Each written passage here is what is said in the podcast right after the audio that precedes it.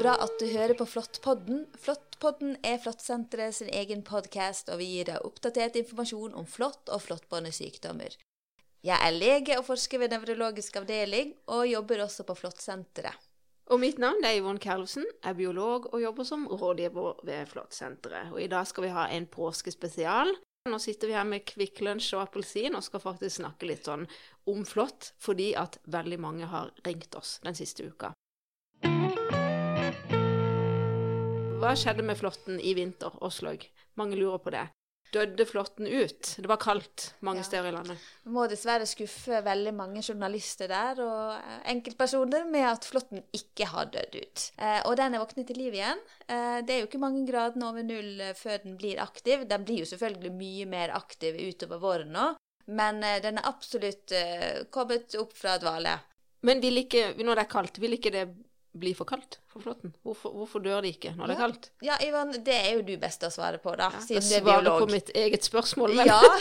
Og det har jeg sett eh, altså på vinteren, det flåtten gjør, de, de ligger helt stille, nesten sånn at de ligger i dvale, og så har de sånn antifryseproteiner, og det betyr at da er de beskytta mot å Altså, de fryser ikke. Og hvis det f.eks. er mye snø, så er egentlig det veldig bra for flåtten, for da ligger de jo isolert under snølaget. Og så skal det jo sies at det er jo veldig mange flått, så om det ryker noen hundre tusen gjennom vinteren, så, så vil det likevel være nokså stor produksjon. Altså en sånn stor hunnflått uh, legger jo veldig mange tusen egg. Ja, 2000-3000 faktisk. Ja, sånn at uh, her blir det mange barn bare av én enkel hunnflått. Ja. Så vi kan ikke bli kvitt flåtten, egentlig det du prøver å si. Vi kan ikke bli kvitt flåtten i naturen. Men vi kan forebygge. Vi kan forebygge. Mm. Vi kan forebygge på flere måter. Vi kan jo ha lyse klær, da ser du jo lettere flåtten. Du kan ha sokker eh, over buksebeinet, sånn at ikke de kryper inn under eh, buksene og opp eh, langs huden. For det er jo spesielt på beina man blir bitt av flått. Mm. Hvorfor er det det? Hvorfor er det på beina? Ja, altså det er jo det at eh, flåtten holder seg i vegetasjonen, og den kryper ofte opp på gresstrå og står der og venter på et blodmåltid. Altså, flåtten sitt høyeste ønske er jo å få dette blodmåltidet for å overleve. Den uh, har jo bare noen få blodmåltid gjennom livet sitt, og, og det tærer den på resten av året, for Ja. å si det sånn. Ja, og de kan jo ikke hoppe Nei. ned fra trær, sånn som noen tror. Men de har sånne gripe, gripeegenskaper, eh, sånn at de, de senser på en måte at eh, noen svinger forbi de, altså når de henger på et sånt eh, gresstrå, og så tar de tak da, i det som kommer forbi. Og det er de ganske kjappe på, faktisk, til å gripe fast. Men du må faktisk være helt, helt inntil flåtten for å få de på deg. Så derfor, Det er jo derfor vi sier f.eks. hvis du skal ut nå i, i påska og, og, og trene litt, så er det faktisk lurt å ikke løpe midt ute i busker og kratt og med høyt gress. Løp på stier, for da- der vil det som regel ikke være flott. Det kan være flott i teorien, men sannsynligheten er liten. Mm. Og det, da er vi jo inne på litt det med klima også, for det et langsett er det en sti, ikke sant. Hvis den iallfall er litt størrelse på den, så blir det jo veldig tørst, ikke sant. Sola kommer ned, og, og det kan bli veldig tørst. Og flåtten trives jo litt bedre i sånn middels eh, tørt. Det skal ikke være eh, for fuktig heller, men middels tørt klima. Gjerne løvskogterreng eh, der det er litt solstråler solstråle ned på, på skogbunnen. Mm. ikke for mørkt og ikke for vått, men heller ikke for, for varmt for flott. Og den kan tørke fort ut. Så derfor også f.eks. hvis man har vært på en lang tur i skogen, du kommer hjem, du er litt bekymra, er det flott i, i tøyet? Det beste du gjør, det er ta av deg tøyet, få på deg nytt tøy, og så for å eventuelt bli kvitt flått som sitter på det turtøyet, heng det ut i vinden og i sola, for da vil flått eh, dø ganske kjapt. Eller ta det i tørketrommelen. Det er det beste tipset. Eh, så, så så man faktisk i en studie fra Tyskland for en del år siden at de faktisk kunne overleve en runde i vaskemaskinen på 40 grader. Så de er ganske tøffe flått, men tørke tåler de veldig dårlig. Når skal jeg begynne å tenke på flått? Er er det for tidlig? Nei, eh, jeg tenker at er du ute med Kvikk Lunsjen sånn som vi er med, og appelsinen, så sett deg ned og pass litt på hvor du sitter, og vær litt obs. Spesielt når du kommer hjem. Du kan liksom ikke tenke på flott absolutt hele tiden, men Nei. når du kommer hjem og tar så skift tøyet, og, og vær litt obs på å se om, om det er kommet noe flott eh, på beina spesielt. Ja. Og så er det jo det med barn, da. Altså Der må man jo ofte tenke litt andre steder enn på beina. Hos oss voksne så er det jo sånn på myke områder i lysken, i knehasene, ikke sant, mellom tærne. Eh, mens eh, hos barn eh, så er det jo oftere at man finner det rett og slett i håret bak ørene, i armhulen. Og det er jo fordi det er mye lavere i terrenget, og da kan lettere få det på øvre delen av kroppen. Og det som kanskje vil overraske mange, for når mange tenker flott, så tenker de liksom eh, sommer, det er midt på sommeren at det er mest. Men det er det faktisk ikke. Altså i forhold til flåtteaktivitet. Flåtten er faktisk ofte mest aktiv nå tidlig på våren. Ja. Fordi da har de ligget gjennom hele vinteren i dvale. De er, si, fett, Fettlageret sitt er megalavt. De må ha det der blod, blodmåltidet. Derfor ser du ofte i, fra en del studier at eh, gjerne i april, eh, april-mai, så er faktisk flåtten mest aktiv. Og så er det kanskje litt mindre aktivitet midt på sommeren når det er veldig varmt. For da er det rett og slett for varmt og for tørt, tørt ute. Eh, og så er det ofte litt mer aktivitet igjen på seinsommeren, tidlig høst. Men det er jo midt på sommeren at veldig mange har ferie, og de er ute i naturen, eh, så, selvfølgelig. Så det er jo veldig mange som får flåttbitt midt på sommeren, men det er faktisk nå at man virkelig burde være obs på, på at flåtten er, er aktiv. Når det gjelder sånn kjæledyr, for eksempel, for da er det jo en del som eh, er ganske plaga med at både hunden og katten får flått. Du har jo hund, Ivan. eh, Ja, hund, katt, Ja, du har hund og katt også, ja. pinnedyr og fisk, Ha- men de får ikke flått. har du merket noe eh, flott på katten? Ik ikke ennå, men jeg, jeg forventer det. Så skal jeg tippe, så vil jeg i løpet av et par uker finne flått. For det skjer nesten hvert år i typisk april. Spesielt hvis det har vært kaldt, og så sier det har vært kanskje sånn rundt null, et par plussgrader.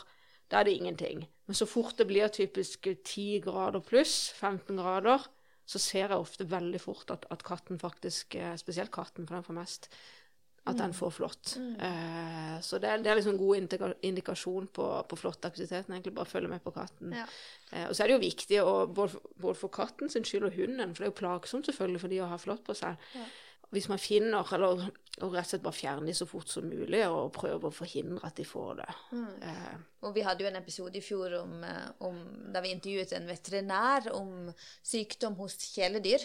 Så der kan man jo gå inn og finne da fra tidligere episoder hvis man er mer interessert i å se hva, hva er det faktisk eh, kjæledyr kan få av flåttbårne sykdommer. Ja, og det er et veldig spennende felt med kjæledyr og flåttbårne sykdommer, for da er det faktisk eh, mye man burde forske mer på, for å si det sånn, da.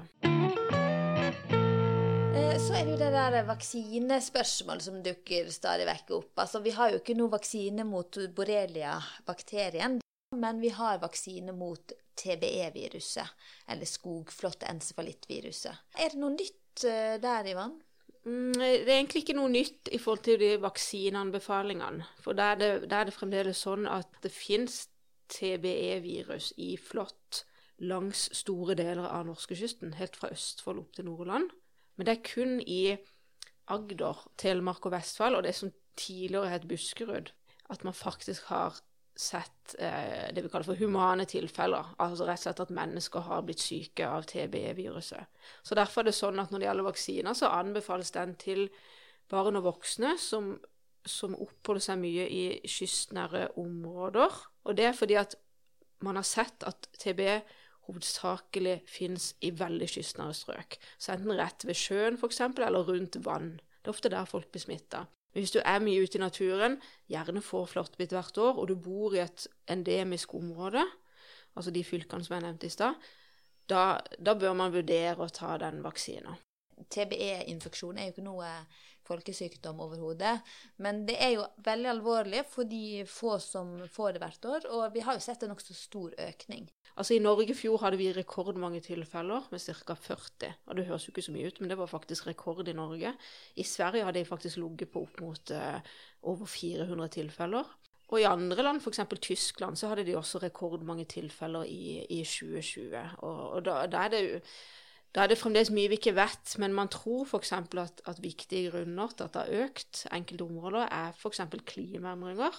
Og så snakker man også litt om denne koronaeffekten. altså Rett og slett fordi at pga. reiserestriksjoner og disse anbefalingene, så kan ikke folk eh, reise utenlands. Og derfor så er, bruker de kanskje naturen mer og mer ute i naturen. Og vi intervjuet jo en pasient i fjor som hadde gjennomgått TBE-infeksjon. Og for hans sitt vedkommende så var det jo et flåttbitt tidlig på våren som var eh, utslagsgivende. Ja. Og sånn som han også sa i, i podkasten, da hadde han ikke tenkt på en måte den tanken, da, for det var så tidlig på våren.